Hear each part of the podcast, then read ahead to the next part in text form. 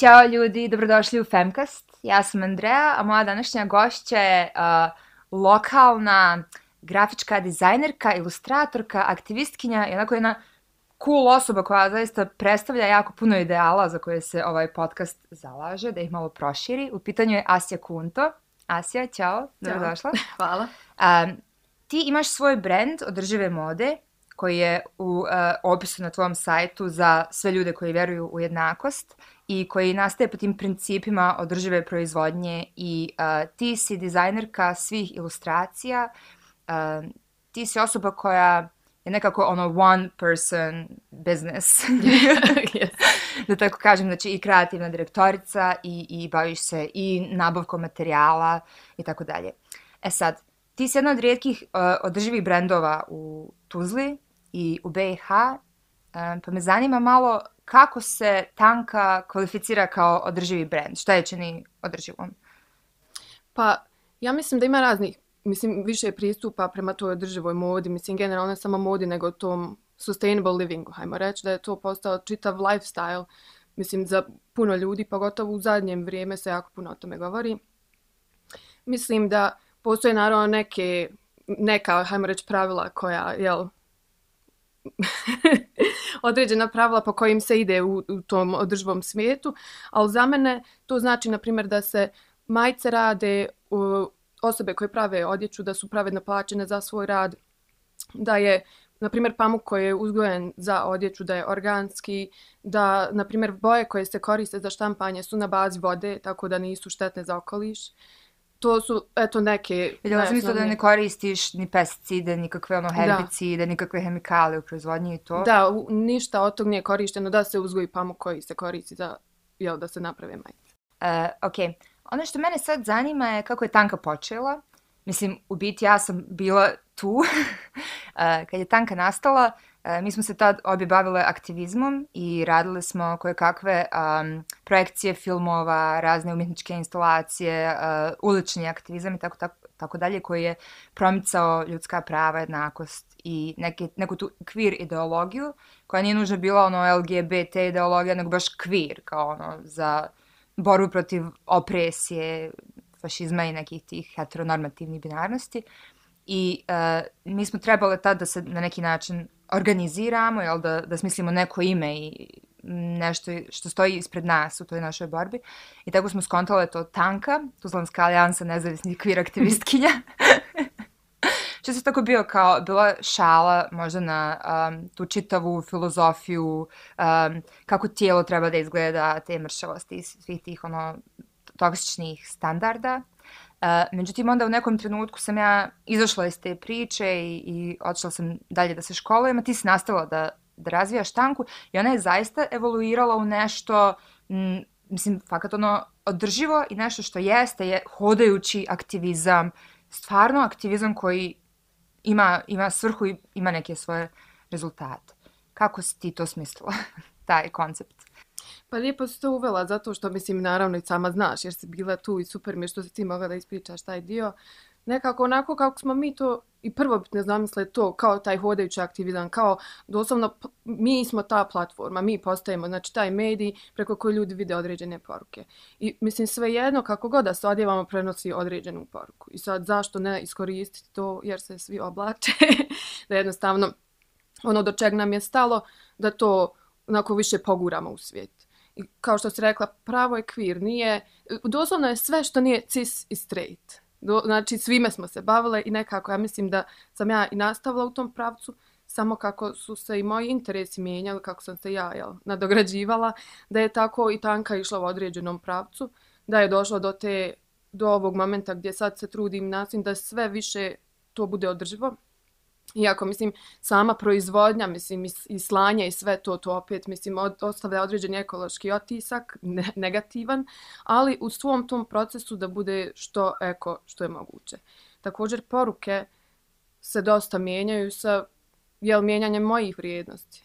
Naprimjer, ono, to je sad najviše briga o sebi, što mislim da je feministički čin, mislim, nekako, ja gledam na početku kako sam kako sam počela, kako smo se mi onda sve organizovali. Mislim, ja, ljutnja je energija i stvarno je bitna. I jednostavno mislim da je i mapa da vidimo čisto šta funkcioniše i ne funkcioniše u, u društvu, šta mi možemo da poduzmemo. Ali kroz sve to vrijeme nekako sam ja imala kroz određene sadržaje medijske koje sam ja konzumirala sliku o tome kakva ja aktivistkinja treba da budem, da se moram nositi na određen način, da moram rati određene stvari. I to je nekako kroz vrijeme naravno mijenjalo se.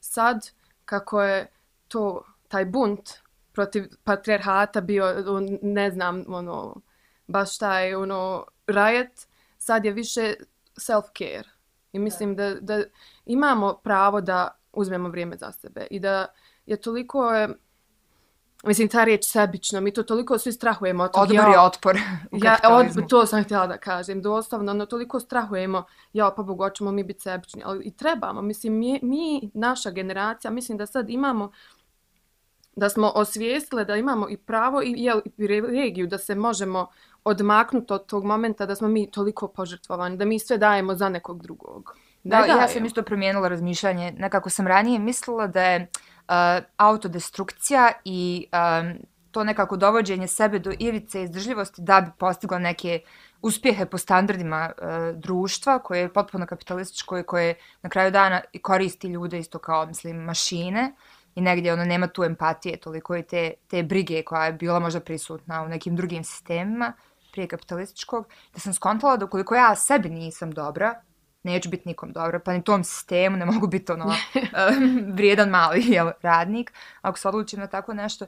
Tako da definitivno mislim da je briga o sebi jedan ono politički čak um, statement i da uopšte nije banalna stvar i da sve te poruke kao na primjer ono bijes je mapa koju imaš na jednoj od svojih uh, majica, mislim toliko je moćna ta, ta rečenica ne samo bijes i anksioznost i, i panični napadi su neka vrsta saveznika da, da nas zaustavi i da nam pomogne da malo prispitamo svoje neke mm, životne stilove i odluke i to sve što radimo.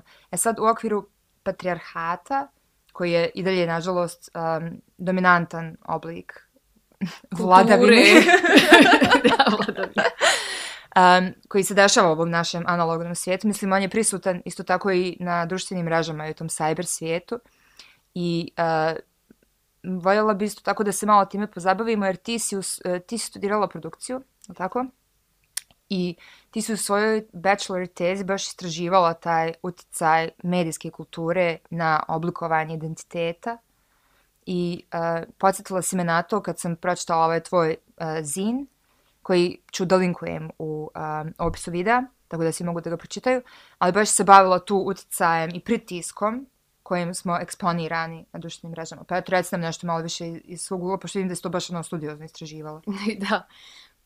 Pa prvo, za one koji ne znaju, Zin je kao self-published magazine. Dolazi je iz punk kulture i feminističke punk kulture i ja sam od uvijek bila toliko oduševljena tim formatom kako jednostavno bez da sve stvari ne moraju biti, ajmo reći, institucionalne, da jednostavno možemo samo inicijativno da odradimo i da, da prikažemo neke stvari. Zato sam se nakon ma, jako, ma jedno sedam godina napokon odvažila da to uradim, jer mislim da je nekako sam prestala olako da shvatam to prisustvo na internetu. Nekako imam osjećaj da stvarno što nekako bude pušteno na internet, ostaje tu za uvijek. Jednostavno, iz tog razloga sam malo počela da i razmišljam, aha, nako, šta ja u suštini tu kao doprinosim ili odmažem ili kakva je moja slika mene same na, na toj platformi, a i drugih ljudi kako će me percipirati, naravno, mislim, mi ne možemo da utičemo na to, ali eto, mislim, ne, neke od tema. I onda kad sam se napokon odvažila na to, išla sam, aha, šta je meni blisko sad? Da ne lutam previše, da se sad ne gubim tu, nego aha, da pišemo nečemu što znam, a znam dominantnu kulturu i kontrakulturu. Tako da sam se nekako fokusirala na to u suštini i kroz taj moj diplomski rad i sve. E, meni je bila tema da na, kroz feministički pristup pokažem doslovno društvo u kojoj živimo u smislu medija koje konzumiramo. Mi smo vladari svojim vremenom, mi odlučujemo na što ćemo utrošiti vrijeme. Tako da je pravo bitno prvo u što ulažemo svoju energiju, a onda poslije toga kakav je to sadržaj. zapravo. Jer medijska kultura je u suštini sposobnost naša da mi razumijemo sadržaj koji nam je plasiran. Da ga jednostavno možemo protumačiti na, na određen način, da vidimo da li tu ima nekih i, subtilnih poruka koje se nama tu plasiraju i šta ja znam. I to mi je bila nekako ta misla vodilja jer sam gledala, mislim i ti, ti sama znaš da ono i kroz fakultet i sve te neke stvari što sam radila sam pokušavala nekako da promčem taj svoj aktivizam. Mislim, govorim svoj zato što je baš moj lični izričaj, ne kao oh, moj feminizam. A šta želiš promijeniti u društvu? Ajde sad da maštamo. Zamisli da imaš tu moć. Šta bi voljela da promijeniš u društvu? Pa mislim da nekako ima ona neka kao ona izreka nešto we, uh, we practice what we teach. I doslovno mislim da za mene sad je to nekako ovaj pravac na kojem sam krenuo, da postanemo svjesni sebe, svjesni i svjesne sebe. Koliko je naše vrijeme ovdje dragocjeno i kako jednostavno imamo izbor. Na, u, u, kad god mislimo da, da i nemamo nikako, da je sve katastrofa očajna, uvijek imamo izbor. Čisto da se podsjećamo na te stvari i da se sjetimo koliko snagu imamo i da njegujemo to u sebi. To je nešto što bi ja voljela da nekako svi mi doživimo i da smo više eto svjesni toga i da, da stvarno se tim vodimo kad radimo određene stvari, bilo šta. Mislim, činjenica je da svako društvo ima svoje probleme i da u svakom društvu postoji određena vrsta nacionalizma ili rasizma i da iako mi ovdje odrastamo ubjeđivani da je Balkan ono, dno dna i da je ovdje jako loša ekonomska, socijalna ovakva jednaka situacija, nije to baš toliko istina. Mislim, nismo mi ništa mnogo gori nego neke zapadne razvijene zemlje. Isto tako postoje neke stvari kod, uh, u zem, kod zemljama trećeg svijeta, što tako ne volim toliko flosku leto, koje su puno bolje nego u, u zapadnim državama. Tako da nismo mi najgori na planeti. Ali definitivno je činjenica to da ovdje jako puno identiteta nema pravo da postoji u, i pred zakonom i u društvu i nekako je društvena svijest jako niska i poprilično svodi ljude na nekih nekoliko par ono karaktera. I ja sam uh, uvijek to govorim da je ova, ovaj podcast napravljen za muškarce, žene, i sve nebinarne osobe, znači sve koji se nalaze između ta dva pola i svi mi govore kao, šta ste te nebinarne osobe, kao, šta je to? Bukvalno neko mi je rekao, te ćeš mi to reći? ne mislim, u nekakvom humorističnom smislu, se niko uvrijedio, samo mislim da ljudi imaju pojma o čemu se radi. Pa eto, možda bi mi ti mogla pomoći zato što barataš tim vokabularom i, i ono, you teach what you preach. yeah. pa mislim da, da razumijemo to, prvo moramo razumjeti razliku između roda i spola. Mislim, to dosta ljudi ne zna da nije ista stvar. Spol je biološka karakteristika, rod je naš sense of self, na, naš doživljaj nas. Tako da u toj suštini nebinarne osobe jel, su osobe koje ne spadaju pod tu binarnost roda i ili spola čisto muško-ženskog. Također nebinarne osobe mogu, a i ne moraju biti pod kišobranom transidentiteta, zato što i transidentiteta također mogu biti binarni. Kao trans muškarci i trans žene, tako da je to u suštini nešto što je jako lično, jako identitetski i mislim da prvenstveno moramo dosta ljudi nekako iz načina koji ja to percipiram nekako brišu trans zajednicu, brišu sve što ne razumiju. I mislim da je iz tog razloga pravo bitno da razumijemo šta je taj spol. Šta je to? Čisto da jednostavno to, šta je rod, da nije to, aha, rodili smo se na određen način. Također postoje međuspolne osobe, što je biološka karakteristika. Tako da mislim da je u suštini, to što ti kažeš, mislim, tvoja poruka je da je ovaj podcast za sve. Da. Za svakoga i to, to u suštini što je najbitnije. Ali mislim da je jako bitno na glas da postoji nešto između ta dva polariteta, muškog i ženskog, i da čak i to muško i žensko ima svoje podkategorije da može da bude uh, življeno na da jako puno različitih načina i koliko je zapravo širok taj spektar naših identiteta. E sad, nemoguće je, naravno, i to znamo mi, mislim, svi, evo ti i ja da, da naglasim, koliko zapravo ovdje u Bosni i Hercegovini živi ili je živjelo, pa su se ocelili silom prilika, trans ljudi, nebinarnih ljudi, ljudi koji ne potpadaju po te dvije kategorije, koji su m, nekako nisu imali ono, prava, ni, ni razumijevanje, i ima tu dosta i nasilja i mržnje. A, e sad, nekako, moje pitanje bi bilo a, šta se sad dešava po tom pitanju u Tuzli, možda si ti malo bolje upućena, pa eto da ono, a, ispričaš ljudima kako stoji ta aktivistička scena, da li smo se izborili za neka prava, gdje ti identiteti m, koji nisu binarni mogu da pronađu podršku, mislim, socijalizaciju, kako to funkcionira ovdje.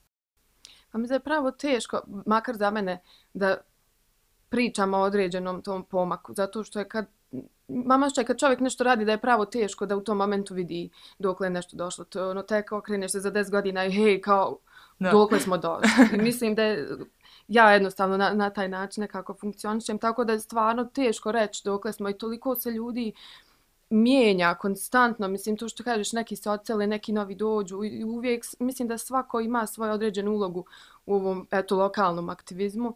Mislim, sada najviše radi Tuzlanski otvoreni centar koji generalno mislim ima i određena i društvena od, od društvene aktivnosti za zajednicu i mislim ne znam, eto toliko je to široko da toliko se i naših prijatelja i prijateljica od celo koji su u određenim momentima toliko, ja mislim, ključni bili za aktivizam u Tuzli. Tako da mislim da ta energija konstantno cirkuše, ali da nestaje. Ono čega se ja bojim vezano za uh, organizacije koje ovdje djeluju, mislim, organizaciju, uh, je da postoji taj od, veliki strah od uh, nasilja, od uh, te neke neželjene E, penetracije u tu za, sad ono zaštićenu nekako kulturu, što je, koji je opravdan, naravno, jer jako često se dešava nasilje prema uh, nebinarnim ili uh, seksualno ne uh, heteronormativnim osobama, da kao da se sav taj aktivizam des, dešava u ono echo chamber, mislim u jednoj zatvorenoj prostoriju u kojoj svi imamo isti glas, isto razmišljamo, ali niko ne može ni od kog ništa da, da nauči. Kako možda upotrijebiti društvene medije koji su, um, ajde recimo, recimo sigurna zona za barem fizičko nasilje, naravno um, hate speech, mislim mržnja u komentarima i tako dalje i cyberbullying postoje, ali eto, hajde, barem nema fizičkog nasilja. Kako iskoristiti društvene medije za aktivizam? Mislim, ti to na neki način radiš? Neko mi jednom rekao, nema hljeba od online aktivizma. I mislim, u suštini sad, mi imamo, jel, mislim, tu, ajmo reći, je to sreća, nesreća, nemam pojma šta je, ali da jednostavno živimo u tom dobu da možemo da se izrazimo na određene načine. I to svako individualno radi. Jednostavno, kad se ljudi okupe oko određene ideje, to može naravno da bude i online neki safe space. Mislim, ono, mislim da također ovisi koliko je neka poruka vidljiva. Mislim, ono, svi mi živimo u nekom našem mikrosvijetu i gdje, ne znam, eto sve u određenom momentu bude u redu i to što kažeš jednostavno, ono, mi smo svi isto mišljenici koji smo tu negdje, ali jednostavno sad, toliko sadržaja ima na internetu da jednostavno, mislim da zna biti i pravo overwhelming u suštini. Mislim da da mi u Bosni ne koristimo te platforme onoliko koliko bismo mogli, zato što kad pogledamo, eto, ne znam, moj Instagram feed, ono, na primjer, sav je na engleskom. Mislim, sad većina ljudi, mislim, svi skoro znaju engleski, ali ima ljudi koji ne znaju. Mislim, ono, tako da je to sve malo Na Meni je baš problem, uh, sad evo dok sam izgovarala s ove rečence, cyberbullying, hate speech, ono, toliko da mi je da sve mogu da prevedem, ali možda, trebalo bi jedno 10 minuta možda da se, da se prisjetim kako tačno što sve da prevedem. Mislim da prosto bosanski jezik je jako problematičan, pogotovo za tu binarnost, zato što nije kao na engleskom ono, uh, scientist i to je apsolutno otvoreno, ne znaš kojeg je roda i mislim i nepitno nego ovdje fakat moraš to da naglašavaš, taj rodni senzitivizam, što često zvuči toliko nakaradno i neprirodno da stvarno čak i osviješteni ljudi nekad ono u brzini ne možeš jednostavno biti ispravan u svakom trenutku. I zato je taj engleski stvarno puno bolji za, za aktivizam i za queer teoriju i generalno za, mislim, self-care. Dok to se može prevesti briga o sebi, sad sam malo samo bila ljena. Ma da, ali mislim da je pravo bitno da opet taj rodno sensitivan jezik, da ga što više možemo, da smo više osvješteni da ga koristimo. Jer jednostavno od, od nekako od Mislim, sve to individualno, to počinje od nas. Jednostavno, ako ću se ja ono malo više da će mi potrajati vremena da sklopim neku rečencu u glavi, da bude na našem, da bude korektna, mislim da vrijedi zato što stvarno meni je bitno da nisam producent, nego da sam producentica i tako te neke stvari. Jednostavno, u toj, od, mislim, to opet jest kod, u našem jeziku jako je vidna ta binarnost, ali opet ako je moj identitet žene, želim da ga pokažem svijetu, ne da se malo ne sakrivam iza određenih tih uloga, hajmo reći. To je jako opasna stvar zapravo kad se kad tebe zovu producentom. Zato što onda negdje stvarno kad je u pitanju pisana riječ i kad ti pogledaš istorijski to što kažeš, sad kad pogledaš koliko žena je ostalo zakopano negdje u istoriji samo zato što im jezik, ne samo zato, ali mislim jezik i društvo i čitav taj splet nekako ne dozvoljava uh, ženama i njihovim identitetima da budu jednako naglašeni kao muški. I onda nakon stoljeća ili dva zapravo osjetiš ogroman problem u društvu zbog toga. Um, u svom tom zinu si isto spomenula od Gaja de Bore kultnu knjigu eh, uh, Društvo spektakla. I uh, on je tu knjigu pisao, mislim, ne mislim, nego znamo je, kad nije bilo uh, reality televizije, kad nije bilo društvenih mreža, kad nije bilo spektakla u ovom obliku, mislim, zaista je knjiga nevjerovatno predvidjela suštinski u ideologiji i filozofiji sve ono što mi danas živimo. A to je taj moment skandaliziranja um, realnosti i toga da to što kažeš, kako sad ti nekom porukom privući pažu na hipersaturirano internetu i društvenim mrežama, nego napraviš scenu, dramu, mislim, ono, skandal, taj neki reality moment i na taj način privlačiš pažnju. Um, šta ti misliš o tom čitavom momentu um, e, realitizacije e, e, realnosti tog, te spektakularizacije koja donekle podiže standarde za norm, obične, normalne ljude koji postaju pun, mnogo više utišani i nepostojeći u javnom svijetu, javnom prostoru, zahvaljujući sam. Pa mislim da mislim medijska kultura, mediji generalno, to je mislim mašina jedna i jednostavno plasira sadržaj onaj koji vidi da najbolje prolazi. I čisto u tom smislu nekako mi kao gledatelji, gledateljke postajemo pasivni na vlastiti život, toliko samo absorbujući taj drugi sadržaj koji nam se plasira. E sad, to je prije bilo nekako određeno samo za, ne znam, glumce, glumce određene te celebrity, neke te figure u tom svjetlu, ali sad je to toliko prešlo i na tog običnog čovjeka. Mislim, eto, ja sam sad ovdje i pričam s tobom, imam određeni medijski prostor zahvaljujući Instagramu. Da ga ne imam da živimo u drugom vremenu, kako bi ti došla do mene, ja ne znam, bil ti došla do mene, isto pitanje. Znaš, tako da jednostavno mislim da uh, sad svi imaju određenu platformu. Mislim, Instagram i Facebook, sve je to platforma. Jednostavno, o broju naših pratitelja, ljudi koji nas znaju, TNN, također diktira i taj neki mikrosvijet u kojem svi mi živimo, te vrijednosti koje mi kupimo od drugih ljudi. Jednostavno... Ma sad, e, u biti najveći celebrity na svijetu su ljudi koji nemaju konkretan talent, niti zanimanje, samo postoje, mislim, kao Kim Kardashian ili ovi su veliki influenceri. Doslovno više ne moraš da budeš u umjetnosti, kulturi, politici, mislim, ne moraš da radiš ništa. Samo treba da postojiš na društvenim mrežama i da znaš kako da radiš taj posao, koji je isto zanatski, koji je svaki drugi. I to, to tebe pretvori u celebritija bez ikakvog, mislim, ne kažem da to nije naporan rad, ali mislim, bez ikakve profesije, osim toga. pa ja vjerujem da te društvene mreže su jako istrpan rad. Mislim da, da, da. to, to je ono, jedan skill veliki. Ja se divim svakom ko uspjeva u tom, zaista. Ali jednostavno, toliko ima, to što kažeš, toliko je zasićeno, toliko sadržaja ima, da mi sad doslovno biramo, mislim, biramo, ako, ako smo osvješteni, ako hoćemo da biramo šta konzumiramo. Također, ne znam, kao što je s modom, da svaki, svake sedmice izlazi novi trend to je toliko puno i toliko je to opterećenje da mi pratimo konstantno nešto što se dešava. Stalno imamo osjećaj da kasnimo za nečim, da smo nešto fulali, zato što toliko toga svega ima.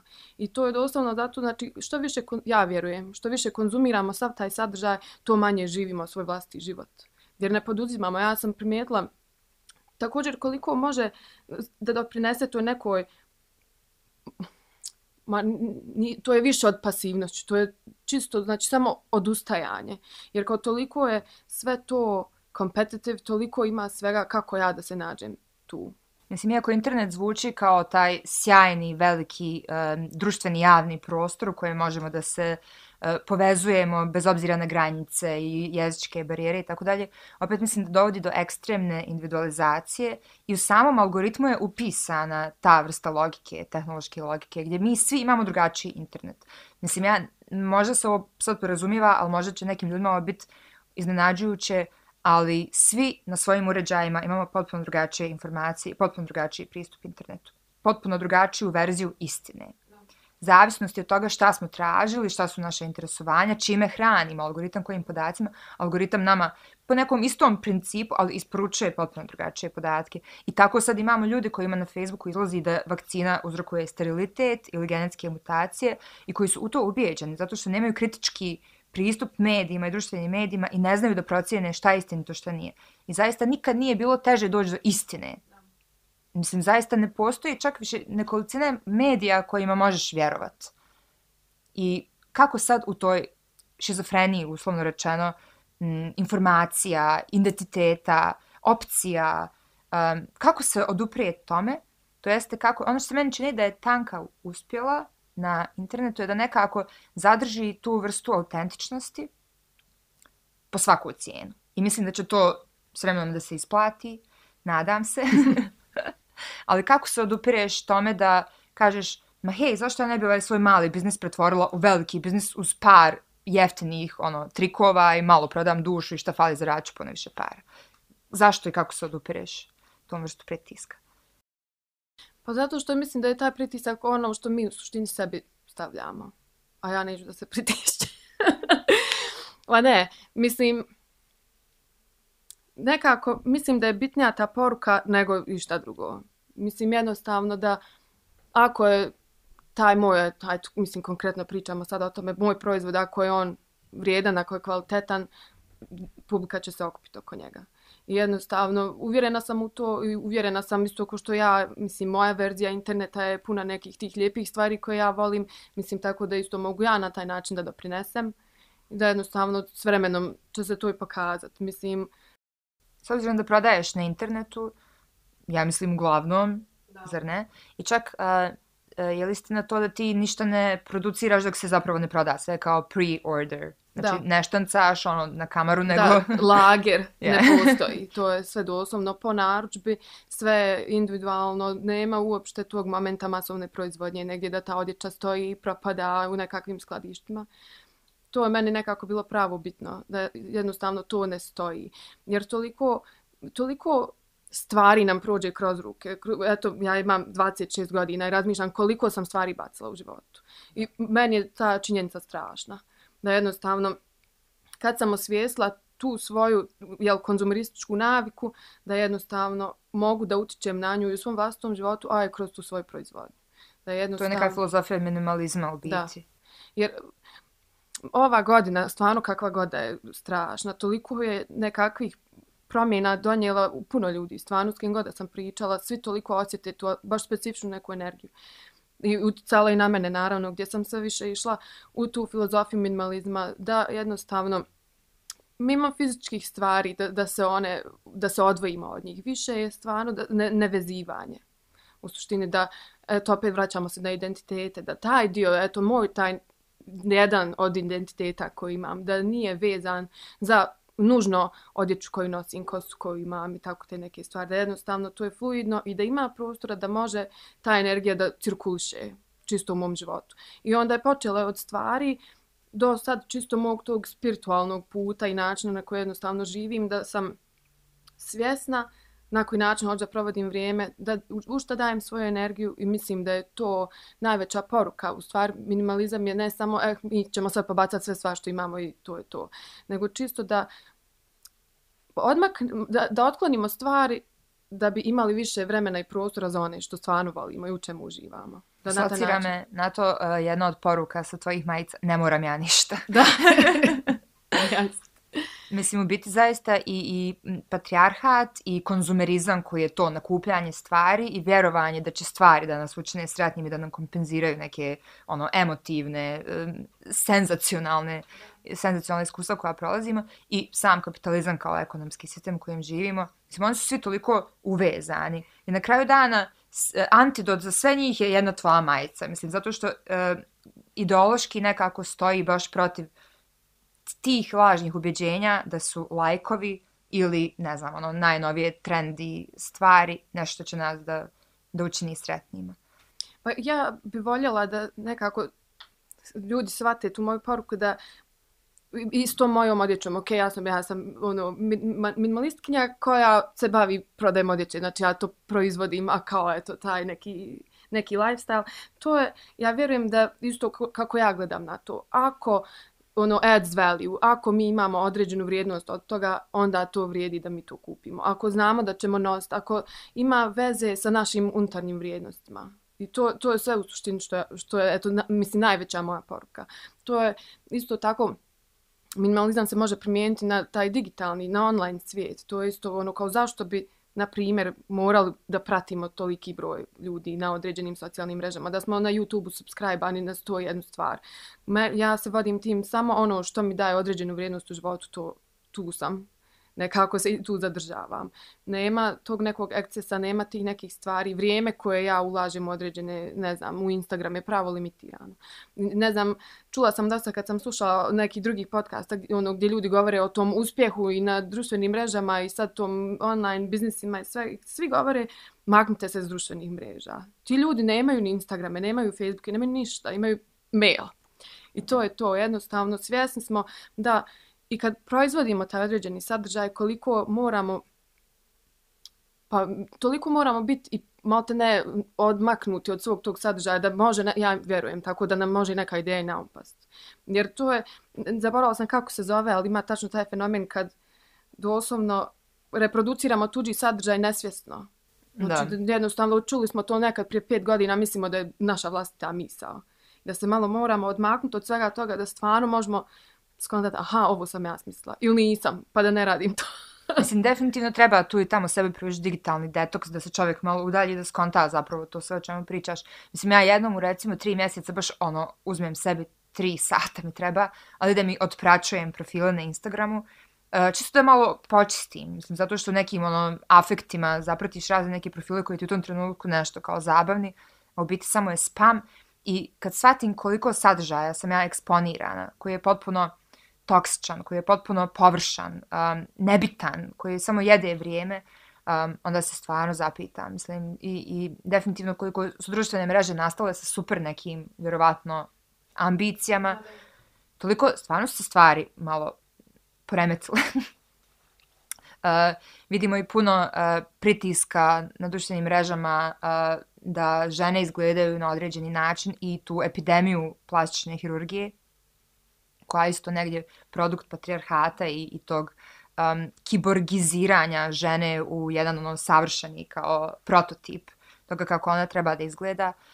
I onda sam se vratila na taj esej od Donne Haraway koji čitam, ja mislim, isto jednom godišnje, onako samo da se podsjetim koliko je genijalan kiborški manifesto. I ona je također puno prije društvenih mreža zapravo predvidjela da ćemo mi da postanemo nešto između životinje i mašine.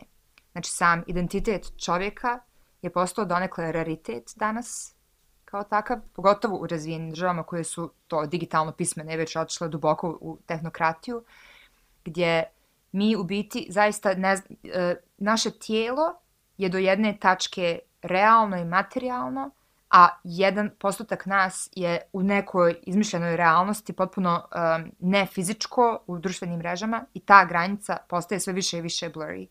Pa mi sami vršimo objektifikaciju na, nad nama. E, ima knjiga, um, uh, bože, kako se zove? Na čemu se radi, ne moraš sjetiti možda. Uh, mislim da se zove Culture of a Selfie. E, pa da, znam, znam, znam, od da. Ane Perajke. Da, ja, ja. da. E, doslovno, to kad sam pročitala, toliko su mi bile, što što mi je postalo jasnije. Stvarno, kako mi sebe gledamo na, kroz neke naočale kako bi nas neko potencijalno mogao da vidi.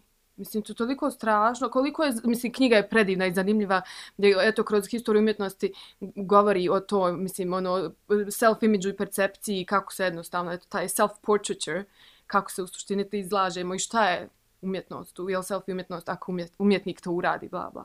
Ali opet, toliko sam se samo zapitala, aha, znači, zašto ja to radim? Zašto se slikam i postavim na internet? Pa znaš zašto? Zato što ljudi koji su to počeli da rade među prvima i dobili mnogo lajkova, followera, zaista danas uživaju određene privilegije u društvu i smatraju se doslovno celebritima, samo zato što imaju te brojeve.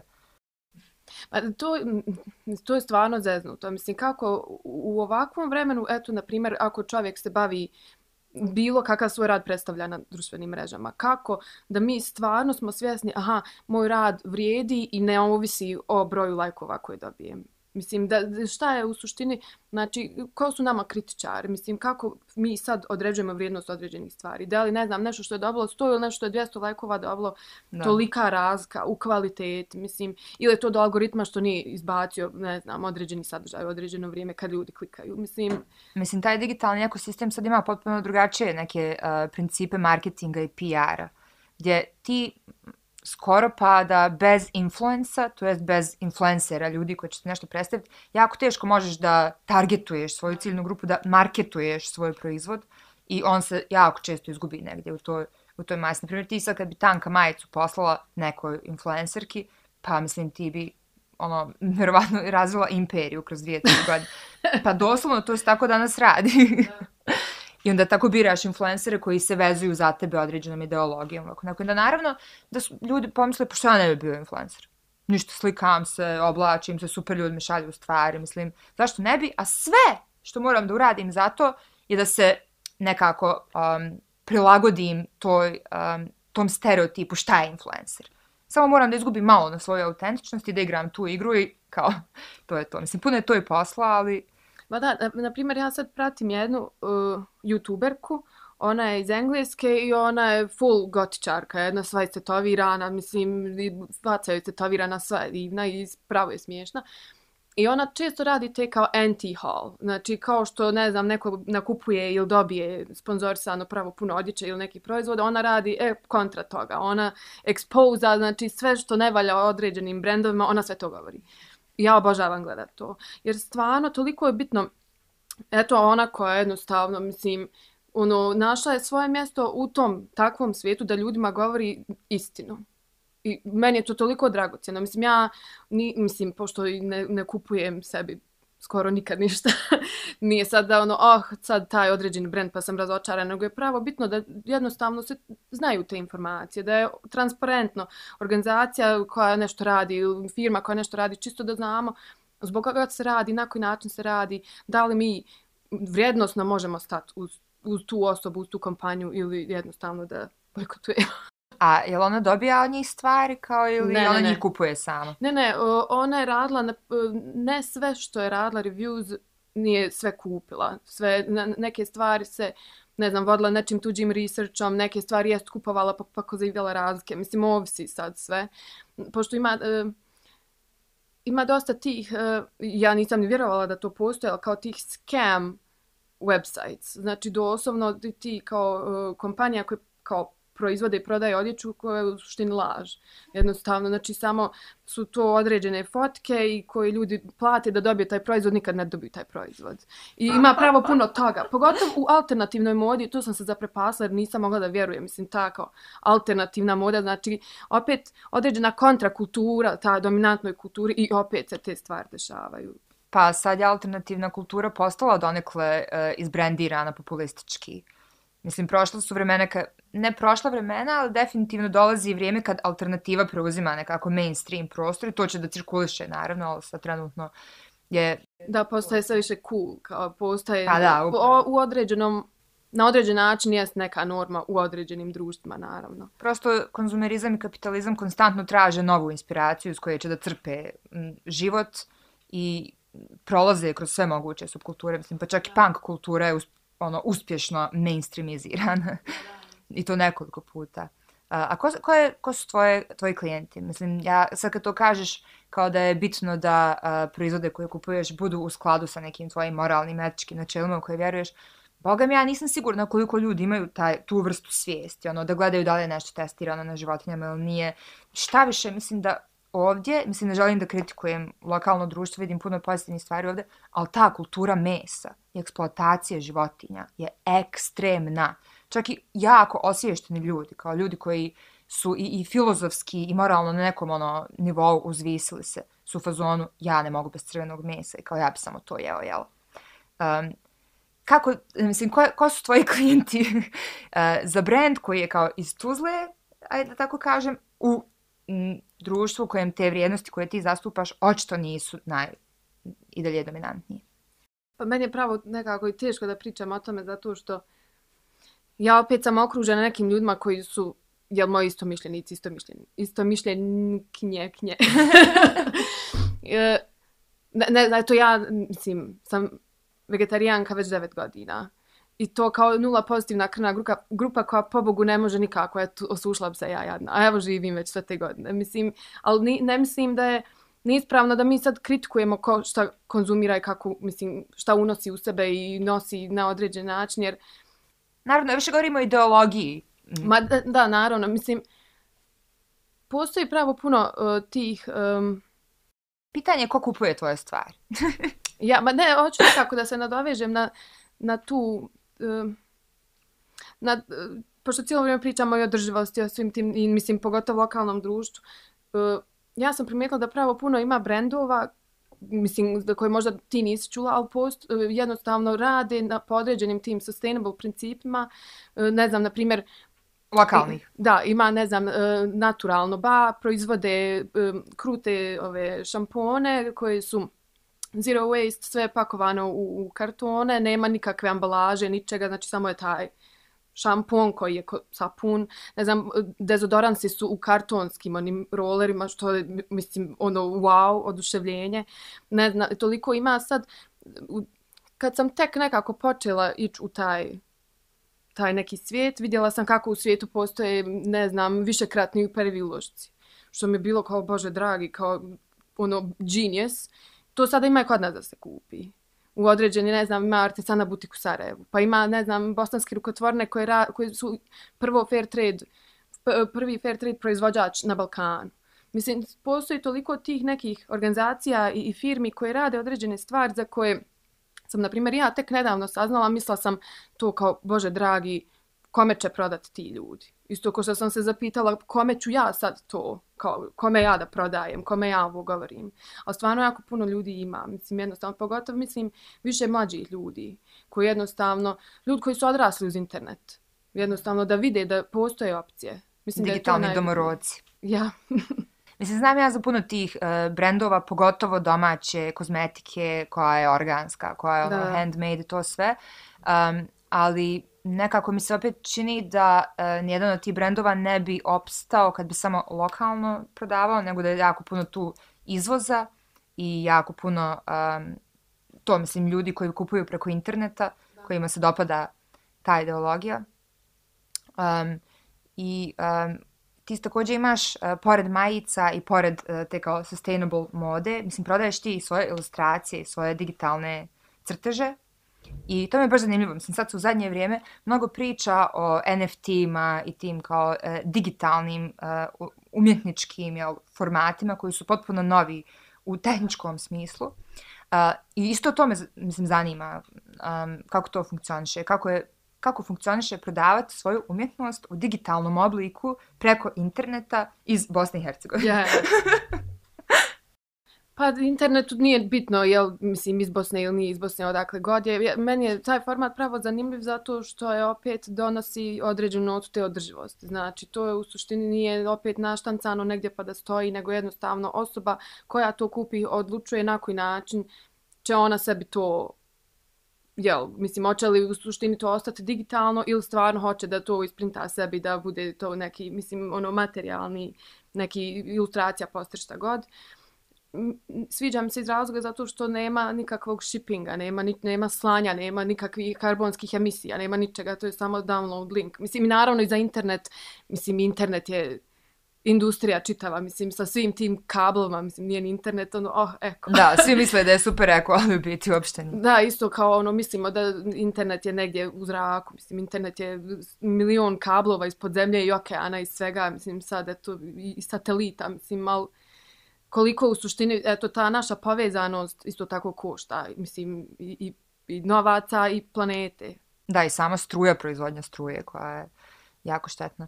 Um, baš mi je zanimljivo to ovaj, a, za ove identitete o kojima smo pričali, nebinarne i to. Mislim, često razmišljam, pokušavam uvijek da sve, kad postoji nešto negativno, da nađem nešto pozitivno i s druge strane isto tako. I mislim da je taj balans ono kad čemu treba te, što ne biti previše utop, utopističan i kao sad će sve da bude ono savršeno jer ni to nije dobro.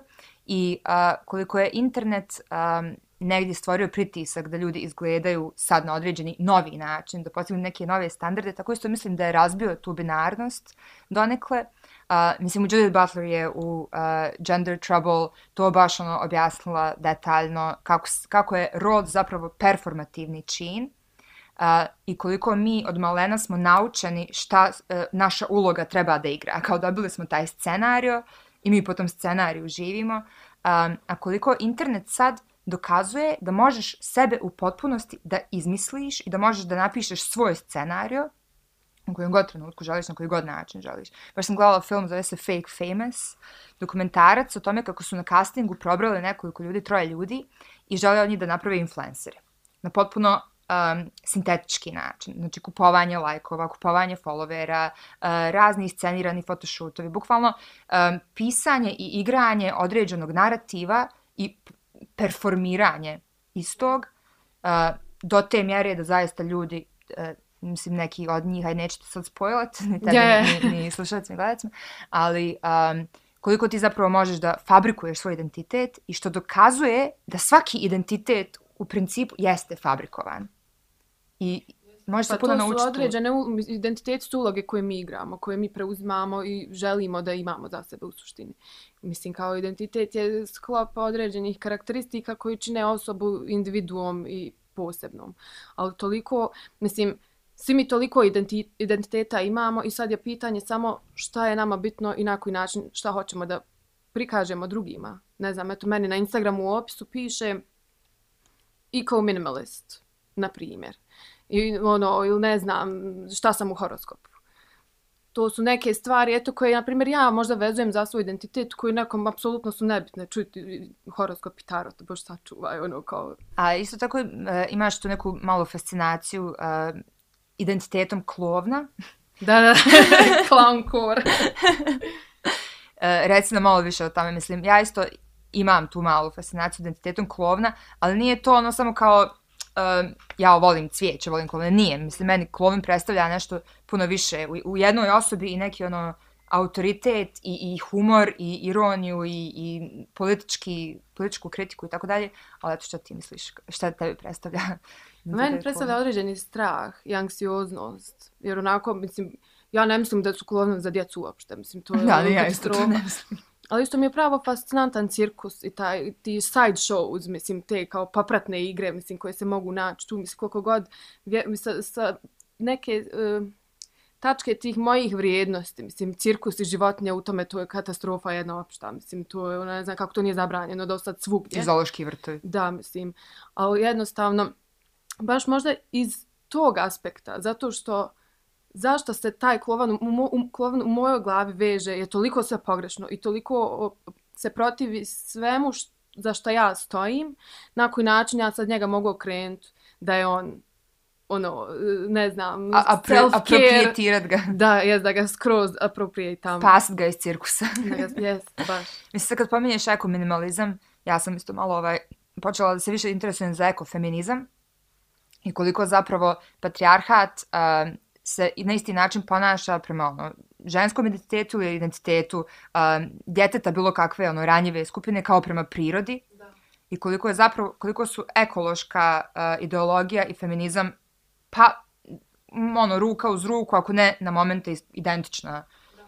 ideologija kako ti živiš svoj eko život mislim koji su neki možda konkretni savjeti ne savjeti nego ja tu neki ono um, neki primjeri kako se može kad sam prije nego što ću doći, jer sam, imala sam tremu užasnu. I onda sam vrtla u glavi, kao, jel, misli su im nadolazile, o čem bi mi potencijalno mogli pričat. I ovo je jedna od stvari, mislim, taj ekofeminizam je stvarno kako je ta majka priroda, mislim, doslovno, jednostavno, toliko zanemarena i koliko se te ekološke katastrofe i strahote dešavaju da ljudi, to jednostavno nije Ma da je Bog zanemarena, eksploatisana, mislim, urnisana, ono, bez ikakve solidarnosti. Jednostavno to jest, mislim, mislim da jeste ekologija feminističko pitanje, na koji način, jel se ponašamo prema sebi, a na kraju prema našem okruženju, mislim, mi živimo, mislim, u određenom sustavu, ali opet mi smo dio prirode, mi nismo odvojeni od toga. I mislimo sad da, zato što je ovo društvo naše za, mislim, moderno i mi živimo u zgradi, Bože sačuva, i mi smo jel, odvojeni od svega toga. Jednostavno, mislim da moramo više se fokusirati na to, na neku istinsku našu tu i duhovnost i prirode, jednostavno mi smo povezani. I to, to je za mene nekako što pokušavam ja, ja lično da praktikujem i sad taj moj ekominimalizam u suštini ogleda se jel, naravno određenim filozofijama, ali i u tom da ću kupiti eto, taj dezodorans koji je u kartonu. Mislim, to je, meni je to toliko revolucionarno, ne mogu prestati pričati. Mislim, da, je, izvin. Reci. Ajde, sam ti nastavi slobodno. Pa ne, eh, to neke stvari koje čisto možemo da promijenimo, to su neke zamjene koje možemo da uradimo čisto da osvijestimo šta stavljamo na svoje tijelo i šta jednostavno tom vodom koje se mi okupamo, šta ide u taj slivnik, šta ide dalje u te vode ja e, srećem jako puno ljudi koji zapravo žive nekim e, ekominimaličnim životom, ako ništa osvještenijim životom, u smislu to ne koriste e, hemikalije, gledaju da njihov dezodorans ne, e, bude prirodan, e, ne znam, jedu manje mesa ili, ili su izbacili meso, e, kompostiraju umjesto, ne znam, nekih hemijskih gnojiva i tako dalje. Ali znaš što sam isto tako primijetila i što je onako, mislim, simptomatično, to je da većina tih ljudi su neki ljudi sa um, hroničnim oboljenjima ili raznim kancerima, čije um, prosto oboljenje ih je um, natiralo da se okrenu um, tom održivijem, ekološkijem, manje zagađenom um, lifestyle-u. I to je dosta tužno, mislim da to mora da se desi, da uopšte ne osještavamo uh, e, upravo to što kažeš, da, da je naša voda zagađena, da je naša zemlja zagađena, da voće i povrće koje izađe iz te zemlje je zagađeno, da to se stvara bukvalno mutacija na našim hromozomima i da onda, mislim, kao pravim, dižemo frku oko vakcine, a ne dižemo frku oko novog um, tornja termoelektrane oko kojeg je svo zemljište uh, puno toksičnih, letalnih metala. Mislim, baš sam čitala neka istraživanja, ono, suludo, suludo i sve to legalno i mislim, mažu nam oči ono non-paperima i tako dalje, a te esencijalne stvari su potpuno zanemarene. A to je zato, na primjer, eto, termin zero waste, taj nulti otpad. To, on je, na primjer, prvenstveno je napravljen za, mislim, industriju, za firme, jednostavno da prepoznaju stopu zagađenja i da je smanje na taj način. I on je nekako, jel, gradualno postao jako individualan i kao pokret među eto, ljudima koji su samo, mislim, stanovništvo. Što mislim da je jako velik pritisak. Da sad mi kao individue moramo konstantno da razmišljamo šta unosimo, šta ne unosimo, jel zagađujemo, ne zagađujemo. Kad toliko, eto, na primjer, ima tih brendova brze mode i svega nečega koji apsolutno nije briga za to. Gdje ljudi umiru u groznim uslovima i mi mislimo da je to samo negdje, ne znam, daleko da je u Aziji, ali mislim postoji istraživanja koja su pokazala da, ne znam, u, u Srbiji, u Mađarskoj, Bosni i Hercegovini, pogotovo te tekstilne industrije, koliko su neuslovne, koliko žene rade u fabrikama gdje nemaju klim, gdje ne mogu otvoriti prozore, ni vrata, ni ništa. Ako su prozori otvoreni, znači da dolazi neko iz, ne znam, predstavnik Prade, i da se vidi da postoje određeni uslov. Mislim, da, da, da, postizale su u Evropu uh, etikete na kojima je pisalo ono s pastom i tako dalje, mislim, stvarno neke grozne stvari. Ma to što kažeš, baš je tačno, ja sam sigurna da je, um, na primjer, vezano za ovo zagađenje zraka u Tuzli, za koje se najviše krive kao kućna ložišta um, oko, oko Tuzle i u Tuzli, uh, da je to zapravo zaista mazanje očiju. Mislim da je to uh, nekako prebacivanje pažnje na individu, tako da se pojedinci ošćaju odgovorni za zagađenje, dok, eto, mislim, termoelektrana koju spomenuh, jako puno druge štetne industrije koja se nalazi u neposrednoj blizini urbanih centara, um, je zapravo glavni krivac, ali pokušava se prebaciti nekako odgovornost na, na obične ljude. Ali istina je negdje na pola puta. Vjerovatno je um, jedini način zapravo da postignemo zaista neki um, benefit za okolinu, taj da mi uradimo najviše što možemo, što ne mora biti uh, najviše na planeti. To može biti neki level uh, bavljenja prirodom koji je za nas ok, kao na primjer da imamo jedan veganski dan u sedmici. Ili, ne znam, da recikliramo, da samo odvajamo plastiku. Da samo odvajamo čepove. Ma da. Znači, ne moramo čak ni sve da odvajamo na, na, na pet različitih ambalaža ili, ne znam, da, da se potrudimo da nađemo održive brendove. Da kad kupimo jednu stvar u Zari nekako, barem osvijestimo kako je ona došla do nas, čega je ona nastala i da je ne bacimo samo tako. Mislim da stvarno razmislimo o čemu je nositi, ako već moramo da je kupimo. I tako te neke polovično kao angažirane stvari su sasvim okej. Okay. Ma da, jer ne možemo biti savršeni, mislim, da. to je nemoguće. I da sad mi nesavršeno, puno nas radi na taj način, pa to, mislim, definitivno bi donijelo do promjene. Jer mislim da i to, isto tako ne treba ni na sebe prevelik pritisak stavljati, ok, radim koliko mogu u, ovom periodu života, kakve su okolnosti, kakve su, idemo, idemo sprem toga jednostavno. Da, i to je jedan dio te brige o sebi i nekako skidanja pritiska, um, da smo omnipotentni, da sve moramo. Da. Nego da uradimo najviše što možemo i to je ponekad sasvim dovoljno, nekad se mali ruke slože, sve se može, sve se može. I to što kažeš, negdje na, da se nađemo na, na balans između svega toga. Naravno da treba preuzeti odgovornost za stvari koje radimo. Mislim, mi smo individualno odgovorni za sebe. A s druge strane također da nije, da društvo ne sjedi nama na ramenima. Da, da mislim, sam... ponuda i potražna nisu samo brendovi veliki i korporacije krive za m, toksične proizvode koje nam plasiraju. Mi smo također krivi što ih kupujemo. Da. Ako bismo mi svi se usprotivili takvoj vrsti proizvodnje neetične i, i potpuno zagađujuće, onda bi i oni u skladu s tim odgovorili tržištu. Ali mislim da je to... Sad sve malte ne može biti kontrakultura.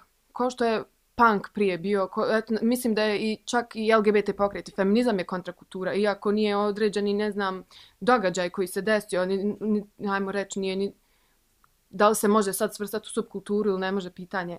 Ali opet, jednostavno, i taj otpor prema toj masovnoj konzumeraciji i generalno hajde ako se ne možemo toj proizvodnju protiv čisto ono što mi konzumiramo, što mi unosimo u svoje okruženje, u svoje živote, jednostavno ta eto kontrakultura tome jeste taj ekominimalizam, jeste zero waste, jesu sve, te, sve ti način, naše nastojanje da ono, pomognemo sebi, a i drugima oko nas i čisto eto to, mislim, to je ekologiju u kojoj se nalazi. Da, i da skužimo da je sve u nama i da sve te materijalne stvari kojima se okružujemo nemaju nikakvu posebnu vrijednost, osim što štete prirodi. Ma, ima, ja ne znam sad kako se taj fenomen tačno zove, ali doslovno kako mi dobivamo određeni određeni taj osjećaj kad kupimo nešto novo, kako smo uzbuđeni oko toga neče, kako konstantno razmišljamo o, o tome i toliko donosi, mislim, ti osjećaj su jako bitni. gratifikacije. Ma da, i taj nek, nešto što doživljavamo po prvi put. Ali na ta, mi, mislim, mi to kupujemo. I kako je u suštini bitno da posjedujemo stvar, da se trudimo da posjedujemo stvar koje će nam mislim, budi to uzbuđenje, bez obzira, ja mi to obukli prvi put, ja 150. put. Da jednostavno osvijestimo da nije, mislim, sad taj, koliko god je super tu što kažeš, i globalizacija, internet, tnn, opet toliko ima i, i taj moment tog uh, outfit repeating i kao še, šeimanje, mislim, ono, kako je to sramotno, sad ću obući jednu stvar. Da, da, da, da. I toliko nas onda tjera, jer sad, sad se, mislim, eto ljudi koji lupam nemaju brand neki, ne, ono, ne, ne promovišu se na socijalnim mrežama na taj način, slikaju se za Instagram. Mislim, to je sad ono, no, nova, novi pojam, čisto slikat se za Instagram, otići negdje slikat se za Instagram. To je jednostavno toliko gubi smisla te od, prije eto ja nekako razmišljam fotografije su bile toliko posebne toliko je bilo rijetko da su se baš određeni momenti kao ono zamrznuli u, u vremenu i ostajali takvi sad sve može biti takvo i mislim da na taj način pravi neki momenti gube vrijednost zato što kreiramo sebi ne, neku realnost koja možda ne bi nešto ni zapamtili A sad, eto, zato što se imamo, mislim, kao super je što imamo mi kamere na telefonima. A s druge strane, samo kreiramo neke vještačke trenutke koji su... Ne. Da, da, sistem vrijednosti se potpuno promijenio. Ali nema nazad, samo treba sad da pokušamo da ga iskoristimo na najbolji yes, mogući način. Um, I evo jedno pitanje za kraj.